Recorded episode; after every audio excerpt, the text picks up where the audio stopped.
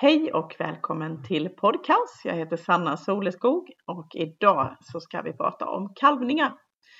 Eh, om det normala kalvningsförloppet, om när det inte går som det ska, vad man kan göra då och lite också hur man kan förebygga kalvningsproblem. Med mig för att diskutera det så har jag en veterinär som har ett stort intresse, mycket kunskap och lång erfarenhet inom det här området. Han heter August Nilsson och han jobbar på distriktsveterinärerna han tillhör de veterinärer som kommer åkande, inte bara på dagtid utan även nattetid för att fixa kalvningar som har gått fel och där det behövs extra hjälp. Jättekul att ha dig här idag August. Ja, tack så mycket. August Nilsson heter jag då och eh, jobbar på distriktsveterinärerna i nordöstra Skåne. Jag har jobbat här sedan eh, 15 mars 2013. Kommer ihåg för då hade jag en förlossning det, det datumet. Det var visserligen ett föl men eh, Strunt samma. Eh, förlossningar är då på, ja det spelar egentligen ingen roll. Men det är faktiskt ett tema som ligger mig väldigt varmt om hjärtat. Så det känns väldigt roligt att prata om det. Mm. Tidigare i karriären så äh, var jag uppe i Norrland och jobbade ett och ett halvt år. Både längs med kusten där i Vännäs, lite i inlandet. Varit eh, en vända på Island och jobbat som veterinär två somrar och eh, åkt med lite grann i Österbotten eh, med en veterinär där. Det finns ofantligt mycket kor. Och eh, ja, det var det är lite så häftiga upplevelser att se sig omkring i världen lite. Jag var nere i eh, Belgien för att lära mig kejsarsnitta lite grann här för eh, två år sedan också. Mm. Så ja, nej, det känns väldigt roligt med det här temat. Aha. Kul! Hur, hur, har du en aning om hur många kalvar du har? Nu föds ju många kalvar utan att du är där lyckligtvis. Men har du en aning om hur, ungefär hur många kalvningar du har assisterat? Vad tror du?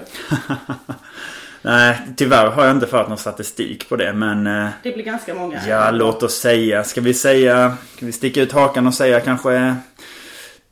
200-300 så är ja. frågan så här. Ja, ligger man i underkant eller överkant med det påståendet? Mm. Men eh, ja, någonstans där. Det är nog under 500 och eh, över 200. Där mm. någonstans tror jag. Mm. Men idag tillhör det ju din vardag som distriktsveterinär med en hel del då förlossningar och, och en del av dem då kalvningar. Tycker du det är roligt när du får ett sånt? Det är det bästa som finns. Särskilt om man då Ja, för det första så är det liksom att man, man blir väldigt taggad då. Mm. Att eh, nu får jag göra det som jag tycker är allra, allra roligast. Mm. Eh, och sen när man lyckas då och får ut liksom en levande kalv och sen, ja, nu pratar vi kalvar här idag men alla djurslag egentligen. Och när man den här liksom fantastiska stunden när ett nytt liv har kommit ut och ser sig omkring för, för, för första gången när man liksom har hjälpt till med att få ut eh, ett, ett nytt liv. Det är en sån sån jäkla stor känsla så jag vet inte om det finns något som är större egentligen. Nej, jag, jag är också entusiastisk här så att det är bra med två entusiaster. Men om vi backar bandet lite. Eh, det finns ju massa kalvningar som du inte eh, kommer ut till, nämligen de med ett helt normalt kalvningsförlopp. Och det vet ja. väl de flesta som jobbar med kor ungefär hur det ser ut. Men om man är mer ny på det, kan du bara kort beskriva hur, hur ska liksom en kalvning gå till? Ja, för det första så är det ju självklart att det då börjar med en befruktning och ett befruktat ägg och sen har du ju då en ungefär 280 dagars eh, dräktighet då, längd. Sen eh, när du kom, kommer in och det börjar bli dags så har du ju en, eh, en öppningsfas. Som är lite olika då på kor och på, på kvigor. Kvigor eh, kan ju ha eh, ett halvt dygn i alla fall. Att de går runt, de är oroliga. Eh, kor har lite kortare tid för de är ju liksom lite mer redo och så här. Mm. Ja, precis. Sen eh, egentligen så är jag också rätt så, så sugen på att ta med lite så här egna erfarenheter av detta då när det gäller förlossningen av liksom ens, ens egna barn och så. Där tycker ja. jag att man liksom har lärt och sett sig, man, man har lärt sig rätt så mycket för det jag liksom upplevde då på... Du har tre barn. Precis, tre barn är fjärde ja. på gång. Ja. Det man liksom det man har upplevt själv det är ju den här eh, oron och eh, då lite grann obehagskänslan eh, som kommer innan en förlossning. Den är liksom samma på alla djurslag då man säger. Så det är det man ser eh, hos korna också. Mm. Oro, obehagskänsla, de kan gå och sparka sig emot magen. Kvigorna vet ju inte vad är det som händer inuti mig. Varför, varför känns det obehagligt i magen nu? De kanske mm. går runt och håller svansen lite konstigt, slår med svansen. Mm. Reser sig, lägger sig ner. Eh, håller på så. Det får, det, det får en kviga får göra, hålla på med det ett halvt dygn. En ko får hålla på med det låt oss säga 6 till 8 timmar. Håller de på längre än så så då är det liksom något mm. som inte är riktigt som det ska. Men eh, som, en, sån, en sån individ håller man ju under strikt uppsikt och, och tittar till skulle jag säga varannan timme. Mm. Och det är väl så att ibland äter och dricker de under den fasen och ibland ja, inte. Så precis. det är inte riktigt säkert heller att Nej. de fortfarande äter eller? Nej, det är klart att de tappar liksom, alltså. De fokuserar på andra saker. De, de, har, svårt att, de har svårt att fokusera på att äta och dricka och det det är ju klart att det är någonting som de kan få betala ett pris för sen att de inte mm. har ätit och druckit eh, ordentligt inför mm. förlossningen. Mm. Och sen då så när de kommer igång, alltså om du säger man kan vänta ett tag till när det händer inte så mycket. Men sen börjar man och så kommer vattenblåsan eller alltså, Ja precis. Då blir det lite, då blir det lite mer eh, så aktivt arbete ja. där. Det är ju tanken att den ska göra det. Det är möjligt att den inte ens kommer då. Och då är det ju någonting som ja, är, är knas då. Och då... Um, Ja, det kan man väl generellt sett, sett säga. Eh, är det någonting som man funderar på, det har gått för länge, det händer ingenting. Mm. Eh, det är jättebra om man, om man vågar då. Man, man är väldigt noga med hygienen, man tvättar sig själv, man tvättar kon och det kan vara vatten och eh, diskmedel till exempel eller tvål. Mm. och handskar då naturligtvis. Gå in och, och, och känna och försök skapa dig en bild. Och det här är liksom någonting som gäller i varenda stadie då egentligen. Eh, Eh, och när man kommer in i ett mer aktivt läge då, då ser man eh, en blåsa eller man ser fosterdelar. Precis, jo det beror ju på om vattnet har gått eller mm. inte. För då, då kommer ju eh, Då kommer ju den så kallade vattenkalven då eller mm. Den säcken som, mm. som kalven ligger i. Där vill man ju ha då istället för den, den här tiden som jag pratade då innan att man kan eh, vänta upp till 12 timmar kanske på en, en kviga i extrema fall. Nu vill man se att det händer någonting varje halvtimme pratar man om. Så mm. nu tittar, tittar man till dem var 20 minut eller en gång i halvtimmen i alla fall. Och så ser man att ja, men det har hänt någon, någonting. Va? Är det så att det är stopp och det inte händer någonting. Då är det samma där. Gå in och eh, känn och försöka mm. skapa dig eh, en, en bild. Då. Mm. Och hur lång är den fasen från att man ser fosterdelar då? Eh, är, hur lång ska den fasen vara? När det är, vad är liksom normalspannet där på en kviga och på en ko? Sisådär. Det är en bra fråga. Men ungefär. Det ja. finns nog ingen vetenskap. Nej men jag skulle väl säga, ja, rakt eh, sådär så säger jag ungefär fyra timmar ska mm. det vara ute på. Mm. Vi, vi vill inte att det tar längre tid än så. Ja. Sen är ju det fantastiska att de kan klara sig rätt länge och, mm. och så va. Men eh, vi... Kor är ju fantastiska. Ja. Alltså, du träffar ju en del hästar. De är ju ska vi inte prata ner hästar men det är ju värdelöst. För de har ju så drastiskt förlopp i sin ja, förlossning. Hästar är ju flyktdjur och då måste det gå fort. Och går det inte fort så då kommer det skita sig i alla fall på något vis. Mm. För då är ju eh, tigern eller eh, lejonet redan där och mm. har ät, ät, ätit upp, upp dem. Va? Så att det måste gå fort eh, där. Kor eh, är ju flockdjur och skyddar ju varandra då delvis under det här eh, förloppet då i nat nat naturen. Så att det kan ta lite längre tid. Men även om det kan gå så, så du sa en gång i halvtimmen, alltså det ska hända någonting. Precis. ungefär en. Ja.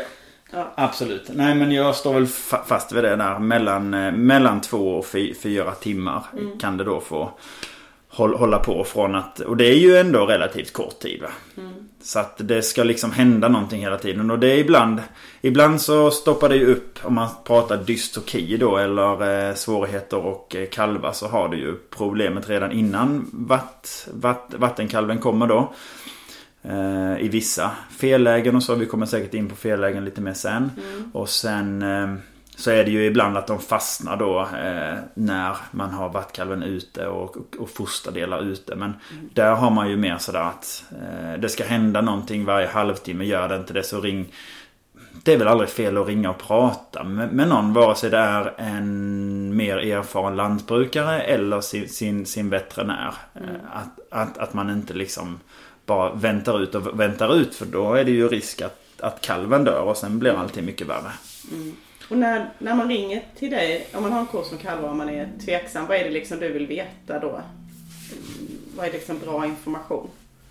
Då vill jag veta hur, hur det känns inne ja. i, i, i, i kon och det är inte alltid att man har eh, att, att djurägaren har varit inne och känt. Det kan vara att man känner sig osäker. Det vi, vi har ju allt från de som har liksom två kor till de som har 800 kor. Och det är ju väldigt stor skillnad på hur erfaren man är. Och vissa känner ju eh, en, en obehagskänsla över att gå in och känna hur det känns. Men, men generellt sett så förutsätter jag ju att man eh, vågar gå in och känna efter. Och då vill jag ju liksom gärna veta, kommer den framlänges eller baklänges? En bedömning kring det. Eh, och vad, vad misstänker man är fel? Och då kan jag i vissa lägen säga att prova att dra. Eller så säger jag jag kommer eh, direkt så fort jag, jag, jag, jag, jag kan. För det, det, är väl inte ofta att jag säger åt dem att bara liksom avvakta och vänta. Ja. Är, är det inte. Och för att skapa sig en bild om de kommer framlänges eller baklänges då, vilket ju mm. är mm. väldigt viktigt. Så är det ju hur, hur böjs benen i normalläget. Om vi säger nu att den kommer framlänges så kommer ju underdelen av klöven peka neråt. Mm. Och sen så då känner man ju att man känner ju första leden är ju kotleden. Den kommer vikas neråt. Mm. Andra leden är ju då framknät eller carpus på finspråk. Och då kommer den också att vikas neråt. Mm. Eh, så då har man liksom säkerställt att det är framben. Bakbenet så har du ju då ska ju, om den kommer med, med rumpan först då, eller bakbenen först, så ska ju underdelen av klövarna peka uppåt. Och eh, första led, leden då, kotleden, kommer ju att böjas uppåt. Sen har du hasen då mm. i nästa, som är nästa led och den kommer ju eh, Ja, och böjas andra åt hållet, eh, an, andra ja. hållet är väl nästan det lättaste att säga. Och det ja. är liksom att titta på kon som, som mm. står bredvid och se mm. hur, hur ser benen ut där. Så ja. försöker man känna efter det här. Mm. Det lite luriga är, vilket liksom både mindre erfarna veterinärer och lantbruk också, det är ju att eh, att armbågsleden då och, eh, och, bak, eh, och hasen kan kännas relativt likt. Att man är lite för snabb i sin bedömning och mm. missar då kanske framknät och så. Men eh, nej, det är väldigt viktigt. Och sen att man går in och så känner man i nästa steg då halsen eller huvudet. Är det då slagit åt sidan till exempel? Mm. Eller känner man en svans någonstans och en, rumpa och kanske då även ett, ja, ett, ett ett, ett rumphål kan vi väl kalla det för. Kan kan man ju känna. Då är man ju väldigt säker va, på vad det är man, man har framför sig. Och när du säger då ha framför så är det att en kalv som kommer baklänges det är inte en position att födas i för en kalv utan då ska den runt. Nej absolut nej nej nej utan det, det, den, den ska ut då ja. eh, på, på det viset. Det är ju men då vet man liksom vad man, eller vad, vad, spelar det för roll egentligen? Om ett bakslaget huvud kan ju vara lite klurigt vet jag vad egen erfarenhet att få upp helt enkelt. Absolut. Och nu är vi ju inne på fel lägen här. Så nu, ja. nu är det ju det, det, det kära samtalsämnet vi har framför oss här. Och där finns ju en, eh, en uppsjö med olika sätt som kalven kan ligga fel på. Mm. Man kan tänka sig, man har ju lite, lite olika alternativ här då på varför man har problem med en kalvning. Mm. Antingen så har du ju att kalven är för stor. Mm. Fostervägarna är för trånga. Mm. Det kan ju då vara liksom relaterat till, varandra. Och det kan ju vara att du kan ju ha en normalstor kalv men för små fostervägar. Ja. Har du en missbildning? Eh, är hon för liten den här kvigan? Har du valt fel tjur? Mm. Då? Eh, tjurkalvar är ju ofta något större än kvigkalvar också.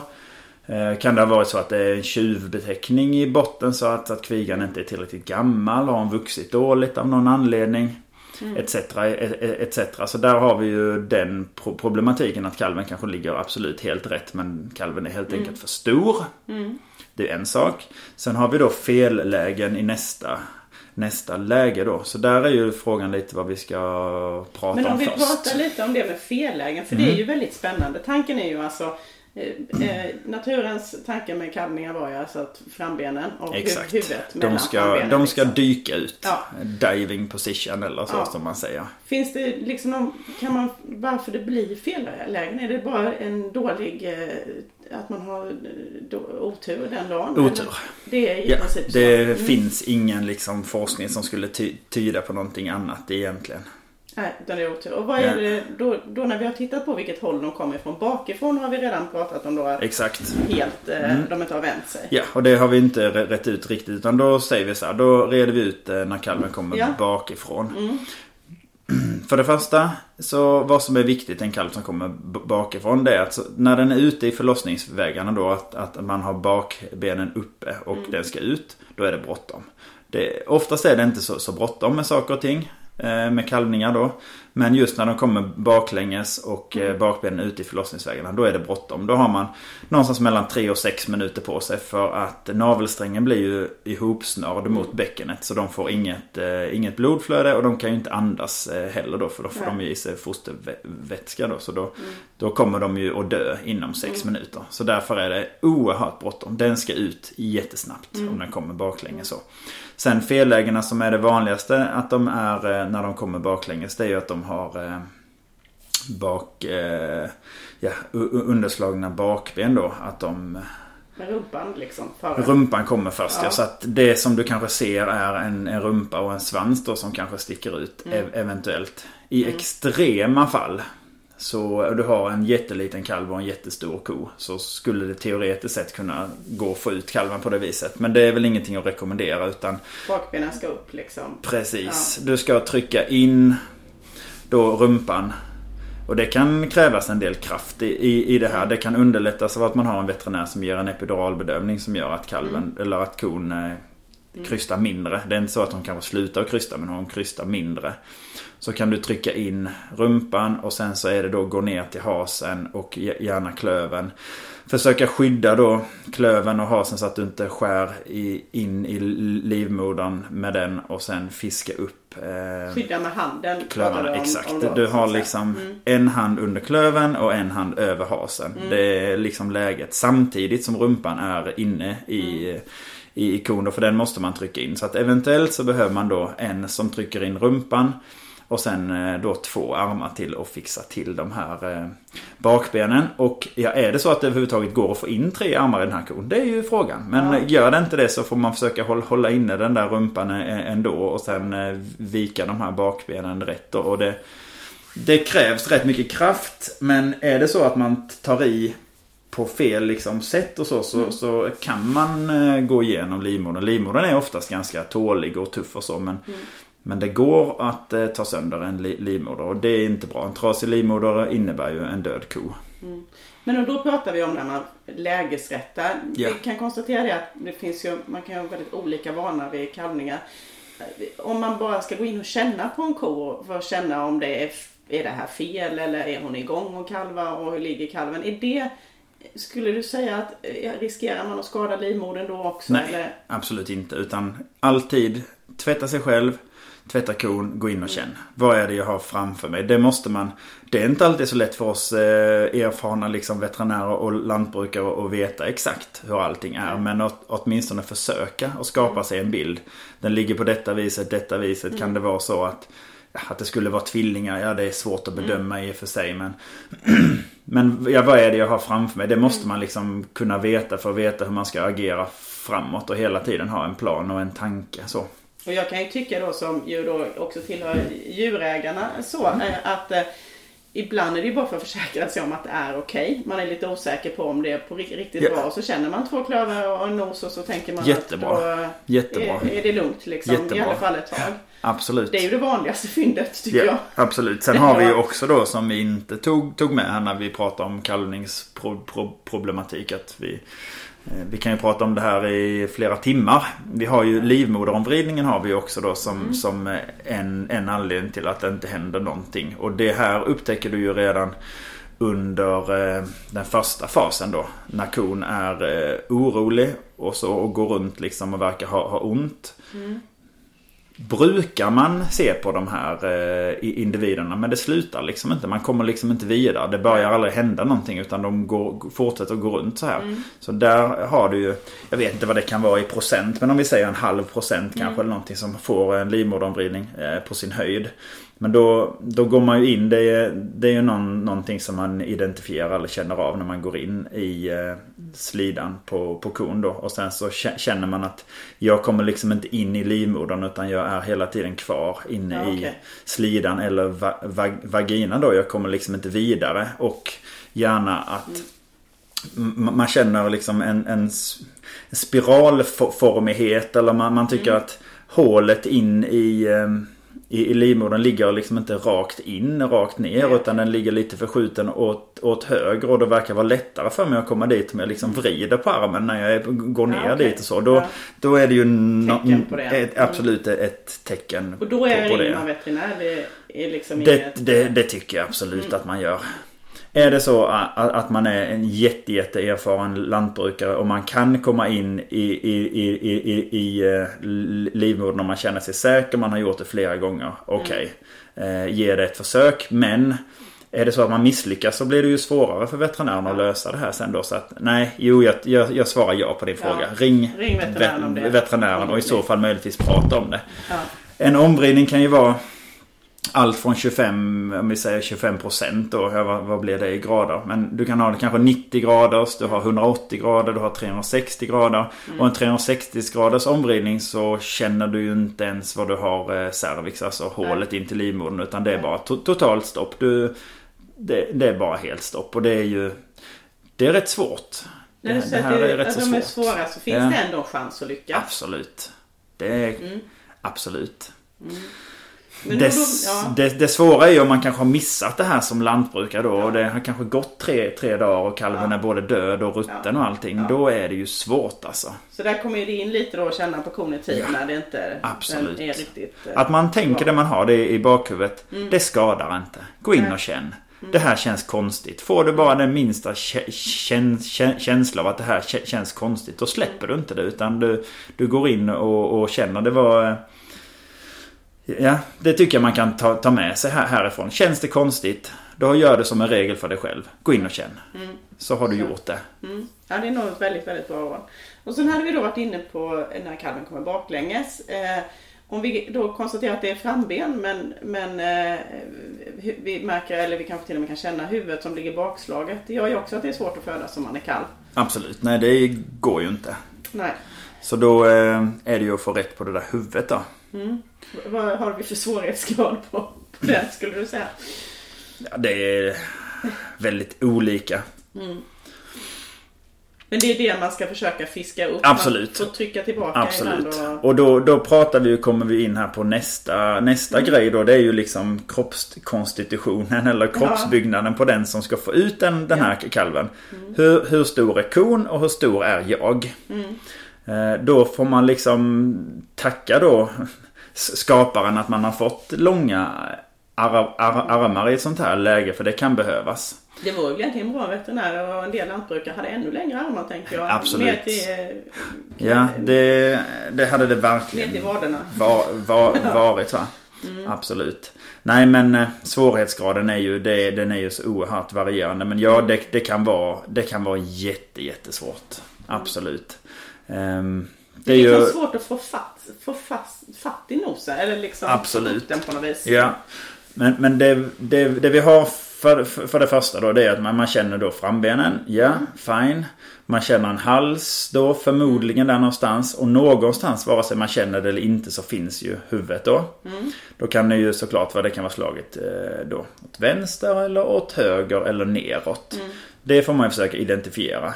När man går in och känner om, om man är osäker. Jag vet att det här kan liksom. Det är ju det vi, vi veterinärer gör och därför att vi lyckas. Det är för att vi verkligen går in så långt vi bara fysiskt möjligt kan. Alltså det är att trycka sig in hela vägen in till, till axeln. Och gå in och känna. Går du in och känner med, med, med höger arm. Okej, okay, lyckas inte med det. Prova med, med, med, vänster arm då och verkligen gå runt. Försök att gå runt hela kalven åt alla håll och kanter då. Höger, vänster, ner. Och försök att följa efter någon, någon, någonting och så. Förhoppningsvis i det här läget då. Så lyckas man då känna något öra, mm. något, eh, du kanske känner ögat, du kanske känner mulen, mm. någonting. Att du liksom vet vad den är. Det är ju liksom en förutsättning för att kunna få ut den. Mm. Annars är det ju lite grann att man kan, man kan tänka sig att man, eh, man får hjälp då. Man drar försiktigt försiktigt i de här frambenen och så kanske den kan flytta sig lite, lite, lite, lite grann så man kan mm. eh, få fatt i, i eh, huvudet. Mm. Sen har man då även att man kan försöka vrida kalven då 90 grader. Låt, låt oss säga att eh, du står bakom kon, huvudet är då slaget åt, eh, åt eh, höger i mm. kons färdriktning. Ja. Försök då vrida upp kalven åt vänster så kan det vara att ja, det, eh, huvudet trillar upp och då har man ju frambenen mm. i sina händer och så vrider man dem då, låt oss säga 90 grader eller mm. något sånt. Så kan det vara att huvudet kommer, kommer upp. Mm. Sen kommer man till nästa fråga då. Hur fiskar man ut det här huv huvudet då? Då finns det ett väldigt bra knep. Det är ögonhålorna. Ö ögonhålorna, där kan man stoppa in eh, sin tumme och sitt, sitt, sitt pekfinger. Så tänker man så, ja men är det inte risk att man skadar ögonen då?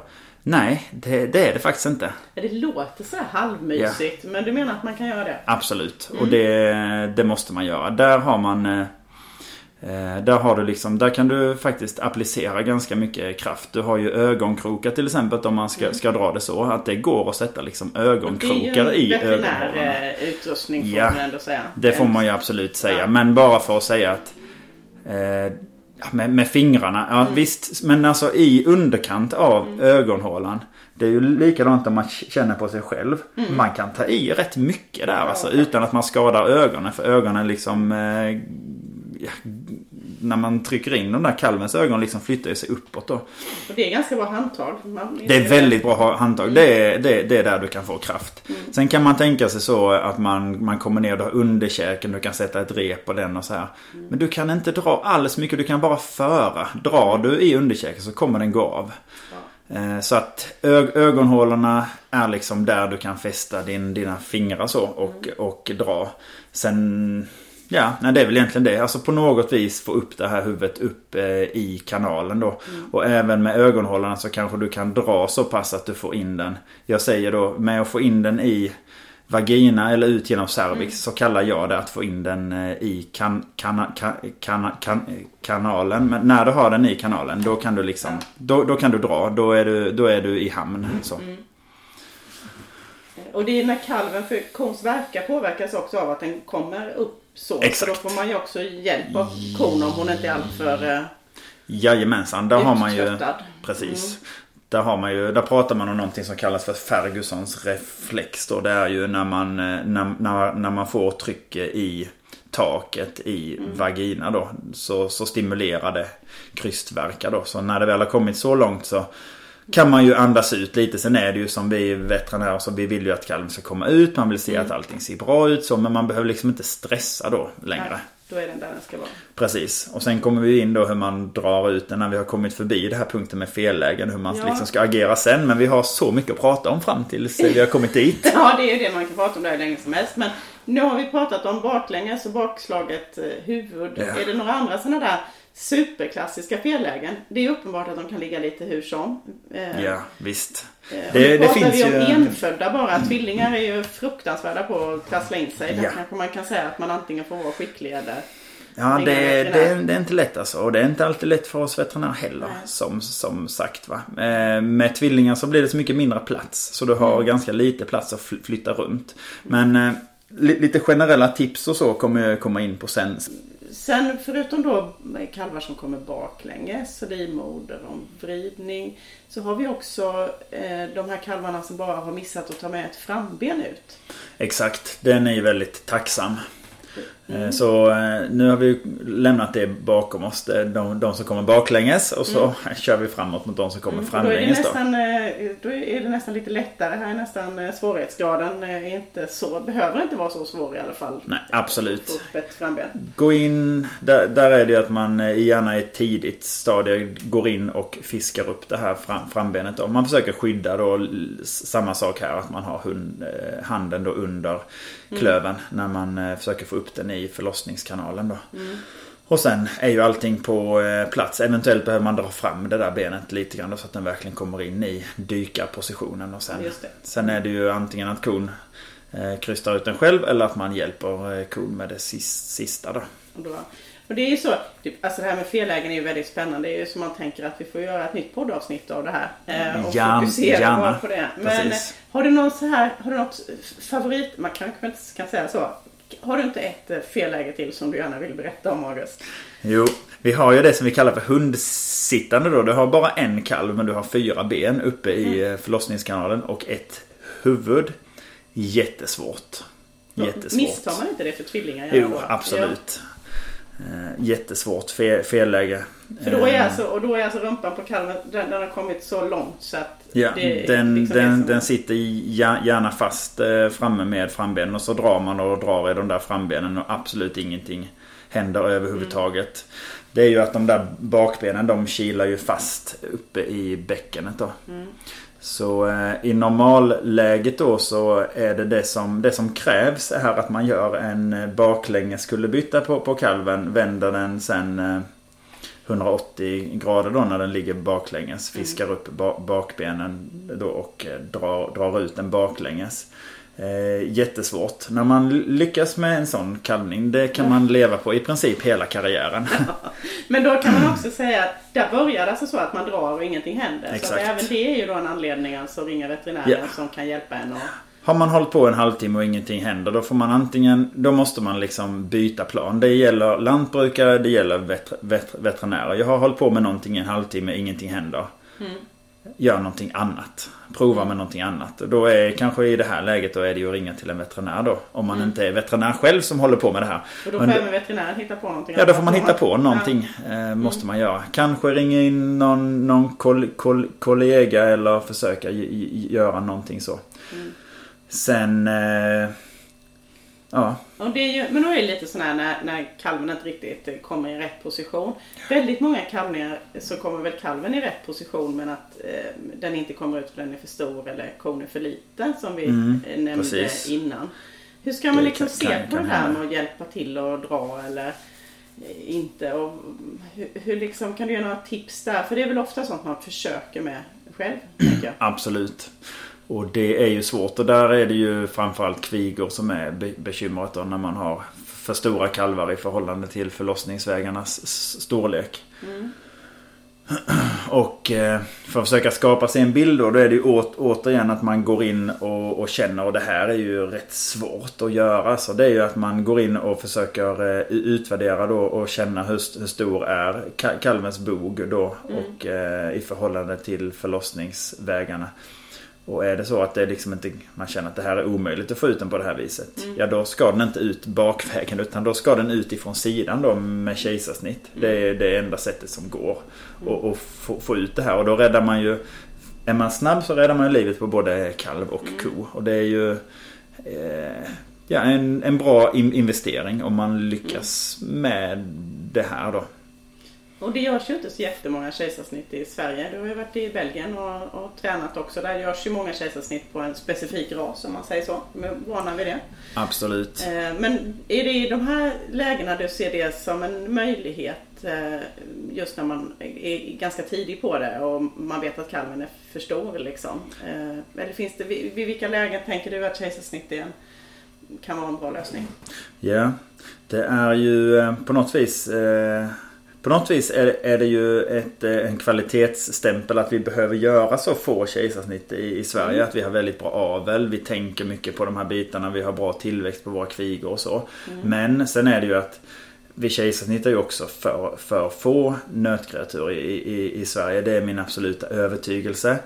Och eh, Ja, när man, ja, det är ju exakt de här individerna. Att, att man har eh, en alldeles för ung kviga som har blivit tjuvbetäckt. Eh, man har eh, något djur som har vuxit för dåligt eller har en genetiskt eh, alldeles för liten förlossningskanal.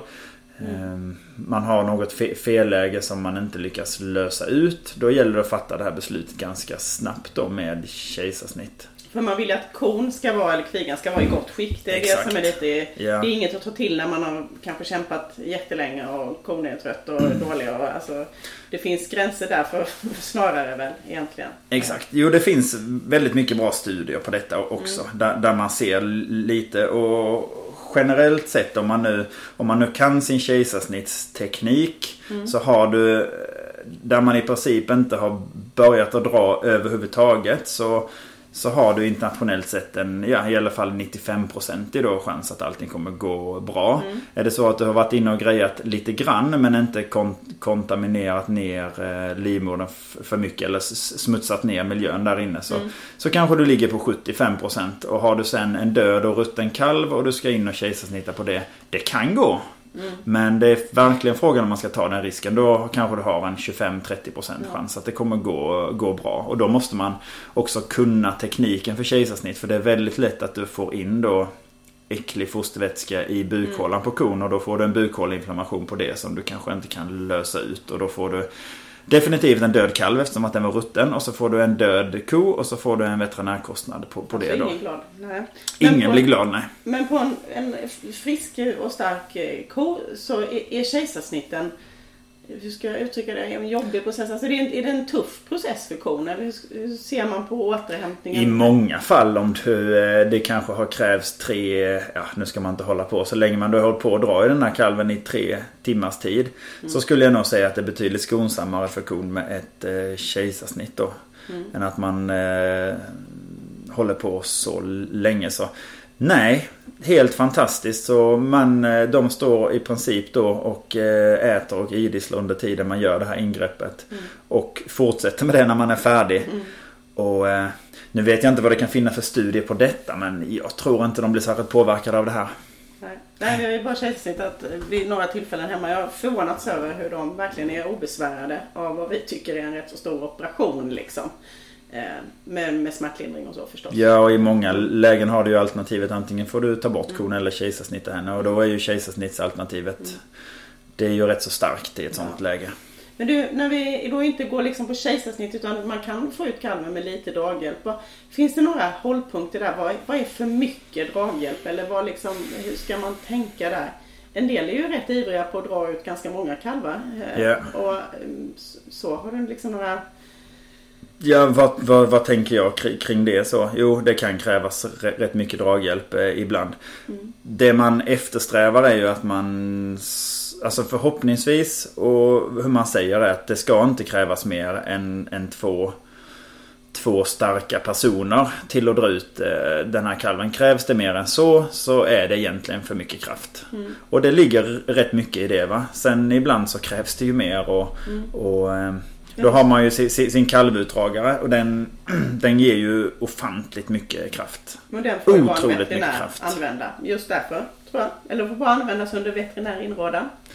Ja, precis. Eh, och, men när man drar, hur man, alltså, finns det någon teknik eller hur? hur Ja, exakt. Du försöker ju att samarbeta och göra det här tillsammans med, Mm. med kon. Så det absolut op- optimala är ju att man väntar på kons krystverkar och så drar man. Sen tar man en paus och så Mm. ser man nu krystar kon och då drar man igen. Så man, man gör det här tillsammans med, med kon. Då. Eh, Och när man drar ut kalven då så, så kan man ju till exempel ha såna här kedjor eller eh, rep som man sätter på frambenen. De är ju liksom hala och håller i. Precis, och vad för rep också. Det är, jag är väldigt förtjust i de här flaggstångslinorna som man köp, kö, köper då. Kanske lite grövre mod, modell. För jag tänker tunna rep som till exempel balband och så. Ja visst, fine. Men de är väldigt tunna. Det blir väldigt lite tryck på väldigt, väldigt litet ställe. Så gärna något lite, lite grövre då som man, eh, som man fäster ovanför kot. Just det, de ska vara ovanför kotleden. Ovanför kotleden ska varför de ska vara. de vara det? Det är lätt att man skadar kotleden annars. Om man drar väldigt mycket så kan man, eh, kan man skada kotleden då. Sen kan man tänka sig om det blir väldigt mycket drag att man faktiskt kan eh, bryta ben och så på kalvar. Men då har det ju gått alldeles för långt. Eh, som man tänker sig för att ja, två, två fullvuxna liksom starka personer ska, ska klara av det här. Och är det så att det inte går då är det samma regel igen. Då får man försöka med det ett litet tag och sen får man tänka om och göra någonting annorlunda. Kanske ringa en veterinär eller någon mer erfaren. Någonting sånt. Så man ändrar attityd. Exakt. Ja. Eh, och nu har vi pratat om mycket komplikationer och elände och vad man ska göra då. Och lyckligtvis så kalvar ju kor ofta alldeles själv och det går alldeles utmärkt. Det är ju tur. Och vi kan nog göra en hel podd också om vad man förebyggande kan göra för att slippa kalvningssvårigheter. Men vill du ge några tips om hur, vad som är viktigt för att få lätta kalvningar liksom och slippa sånt här krångel och krabb? Absolut. Jag tänker ju där att eh, du vill ju ha en... Det är ju framför... Mycket är det ju kvigorna då som man kan undvika. För på korna skulle jag säga att det mest är otur. Även om det såklart har med en del tjurval. Skulle man välja en tjur som ger väldigt stora kalvar så får du ju kanske problem på dina kor också. Men på kvigorna så har du ju att eh, de ska vara liksom redo för att semineras när man seminerar dem. Eh, och då är det ju kalvtillväxt och ungdjurstillväxten där som man, som man strävar efter. Mm. Sen att man även då väljer en tjur naturligtvis som, som ger lätta kalv, kalvningar. Mm. Kan fundera på om man nu tycker att man har bekymmer. Är det så att man eh, kör med könssorterad sperma så får du ju färre tjurkalvar. Tjurkalvarna är oftast något större. Det blir liksom procentuellt lite mer problem med tjurkalvar. Så det kan vara ett sätt att, att de har högre vikt helt enkelt. Ja, de är ja. lite större. Mm. Och ofta kanske lite slöare också när de ja. föds. Men det där är ju liksom ja, observationer sådär mer. Mm. Och på dikosidan om man har en beteckningskör så är det ju det värdet, det avelsvärdet som heter fix. Man ska välja en kör som har högt på. För då ökar ju chanserna att det är små kalvar och lätta kalvningar. Och ja, och det, precis. Det är kul för det är någonting som vi är ganska duktiga på upplever jag i Sverige på att välja tjurar. Ehm. Ja, kanske är det så. Men det, det är väl bra det då. Yeah. Så, det, det är mycket så pratar man ju om bara att man väljer köp på kalvvikten. Men jag skulle nog säga att det avelsvärdet är mer sammantaget faktiskt. Så det är yeah. bättre det. Precis, det är inte riktigt mitt expertområde men Nej, det är ju men, hu hu huvudsstorlek ja. och eh, även kroppsform då. Hur, ja. eh, hur, slanka, hur, hur, slanka de är och mm. så ja. Precis. Mm. Nej, för kommer man ner alldeles för mycket i kalvvikt så har du ju problemet att de kanske inte är tillräckligt eh, starka och har tillräckligt god vigör. Så du har ju de ska ju ligga i normalspannet Precis. egentligen och vara välformade så. Det, så är det ju. Eh, eh, efter en svår kalvning, om man har fått ut en levande kalv eller för all eller efter vilken kalvning som helst, det kommer en liten kalv. Eh, hur Behöver vi tänka på att ta hand om den på något särskilt sätt? Tänker du på något extra vis när det just är en kanske tuff kalvning som den har varit med om? Ja, absolut. För det allra första man ser är ju någonting som kalven kan berätta för oss, tänker jag. Det är att eh, om den har varit stressad och själv har upplevt det här som en ganska jobbig förlossning så, så kommer den ha eh, hunnit bajsa ur sig sitt eh, mekonium eller tarmbäck då i eh, innan den har kommit ut och då är den ju gul då. Den har lite vita fläckar. Att man, man känner att man får gult eh, på sina händer då. Och då är det att, att kalven har varit stressad och, och bajsat. Mm. Eh, det är ju någonting man kan se. Sen är det ju viktigt att eh, man får fria luftvägar väldigt omgående. Så du, man får se till att eh, få bort eh, slem ur mun och näsa. Gärna med, med en handskbeklädd hand då som man inte har jätteäckliga händer och ja, får in massa bajs i, i, eh, i, i kalvens mun. Men att man mm. ser till att man är lite ren där. Man får ut det här slemmet ur eh, andningsvägarna. Mm. Man lägger upp kalven omgående i återhämtningspositionen som vi kan kall, ja. kalla den för. Ja, hur ligger man då? då? Jo, då ligger de eh, så att man kan andas med båda lungorna. Något, något i nedförsbacke med bakbenen eh, under sig. Eh, så man tänker att man ligger på bröstet med båda frambenen framåt och bakbenen liksom in under vikta under sig. Så man ligger rakt de ligger Som... rakt på eh, bröstet mm. då. Och då kan de använda båda sina lungor. Det är någonting som man har fått lära sig på senare tid. Ligger de på sidan bara så är ju den ena lungan väldigt sammantryckt. Mm. Och eh, ja, man, man, skapar, man, man skapar möjlighet för dem att använda och tömma båda sina lungor om man lägger upp dem på det här viset. Då. Det är ju ett jättebra tips för ofta ligger de ju mer utslagna på sidan. Exakt, särskilt om de har haft det tufft ja. och jobbigt och så. Mm. Sen en, en, annan viktig grej då är att som man ju kanske gjorde förr i tiden. Det är att man håller upp dem i sina bakben och håller på för att då mm. få ut allt slem och vätska ur andningsvägarna. Mm. Och det kanske man kan få till viss del men det här eh, Mycket av det slemmet och, vätskan som man får, upp kommer faktiskt ifrån eh, Ifrån eh, löpmagen då snarare så att man får upp fostervätska och vätska hela vägen uppifrån löpmagen och det här är då helt onödigt och kontraproduktivt egentligen för det är risk att de får ner det här i sina andningsvägar igen då. Så eh, sluta och häng, häng upp och eh, det här är någonting som jag själv gjorde i början av kar kar karriären också. Ja, så att... det, det, är mer sånt, så gör man ofta både när det är någon som är stor och stark och vill visa att de orkar. Så det är väl bra att du har blivit äldre då, att du behöver visa det längre att du är stark. Ja, pre eh, precis. Det, men det är väl många som tror att det är viktigt men det mm, har ju inte den funktionen. Det är inte viktigt utan lägg upp dem i, se, se, se till att rensa andningsvägarna med mm. en hand. Eh, och sen lägga upp dem i den här återhämtningspositionen. Och det är mycket liksom, det är mycket viktigare och bättre än vad man faktiskt tror. För det här har nog räddat livet på rätt många kal, kal, kalvar. Så. Ja, så befinner man sig i det här läget då. Så har man kanske en kalv som fortfarande är eh, trött och, och mm. slö. Då är det att man, man, eh, man har ju väldigt ofta halm i sin kalvningsbox. Så tar man mm. halm och så skrubbar man kalven relativt eh, våld, våldsamt. För att få, det är ungefär det som kon hade gjort med att slicka mm. den och hålla på och buffa på den och så. Det är ju ett sätt att stimulera den och få igång den. Du, du tar väldigt gärna ett, ett halmstrå och kör in en bra bit in i någon av näsborrarna. Det stimulerar dem väldigt mycket. De, brukar, de, de ska, om de är i skapligt skick, då brukar de skaka på huvudet och fräs, fräsa ut eh, lite, lite slem och snor. Det är en bra grej. Man kan nypa dem i näsväggen då också. Att man mm. nyper liksom mellan näsbanorna kan man säga. Eller håller på liksom och, och trycker med ett eh, halmstrå på nosen på dem. Det är också någonting som stimulerar dem och får igång dem. Det är ju faktiskt en triggerpunkt för andningen. Så mm. Det är mm. liksom coolt att många gör så utan att man sen kom vetenskapen på varför det funkar just den där lilla punkten. Precis. Trycka dem hårt eller? Det är ju det. Sen har man ju ofta då kanske lite vatten i, i närheten och eh, är det så att man eh, behöver få igång dem så kan man ta och, och eh, jag själv personligen brukar rekommendera att man tar eh, lite vatten och då med fokus på lite i, eh, i nacken till exempel. Det kan man nästan tänka sig själv att någon kommer och häller ett glas kallvatten i nacken på en. Att det blir verkligen att man drar ett djupt mm. andetag. Och det tycker jag funkar väldigt bra. Mm. Sen finns det då tips att man kan hälla lite vatten i örat på dem för att få dem att skaka på huvudet och få igång dem. Funkar ju på kor också som, som ligger ner. Väldigt irriterande för dem. Det är väl någonting man kanske kan eh, prova. Mm. Eh, så det är väl de här grejerna. Sen finns det vissa mediciner och så här som vissa, man säger i alla fall internationellt som man använder och eh, till viss del kanske i Sverige också. Men ah, jag vet inte, jag har inte riktigt känt behovet faktiskt. Men eh, det finns vissa grejer man kan göra så. Sen man har en ännu sämre kalv så pratar vi ju mer kanske livräddning och så här.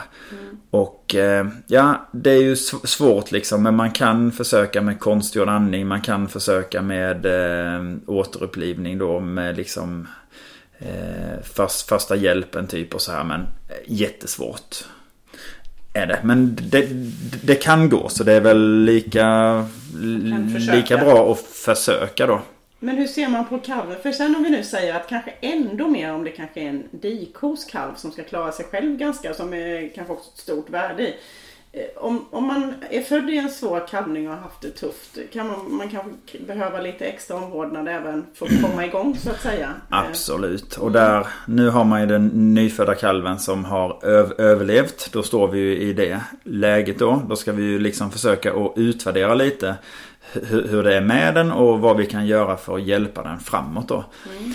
Och eh, en snabb ut, utvärdering som ger väldigt mycket det är då vad den har för sugreflex. Så när man är säker på att Nej, men nu känns det bra så att den här kalven kommer klara sig. Då kan man försöka utvärdera sugreflexen på den här kalven. En kalv med dålig sugreflex kommer behöva hjälp. Den, eh, som alla vet, det här är också gästan en separat podd. Det är ja. ju råmjölk då. Råmjölk A och, och O. Det är ofta där eh, det, det brister. Mm. Men det är ju och en kalv behöver ju mellan mellan 3 och 4 liter högkvalitativ råmjölk för att få igång sin, sitt immunförsvar ordentligt. Och den här Kalven som har haft en svår förlossning och den har dålig sugreflex. Den kommer inte ställa sig upp och eh, dricka fyra liter råmjölk från sin mor. Det kommer inte hända. Så den behöver hjälp eh, alla dagar i veckan. Förmodligen behöver den sondas också då för att den kommer inte dricka själv.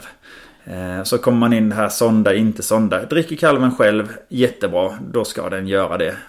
Dricker den två liter, låt den dricka två liter. Kom tillbaka lite senare och ge den två liter till om den inte vill dricka, mm. sonda den. Så, så enkelt är det.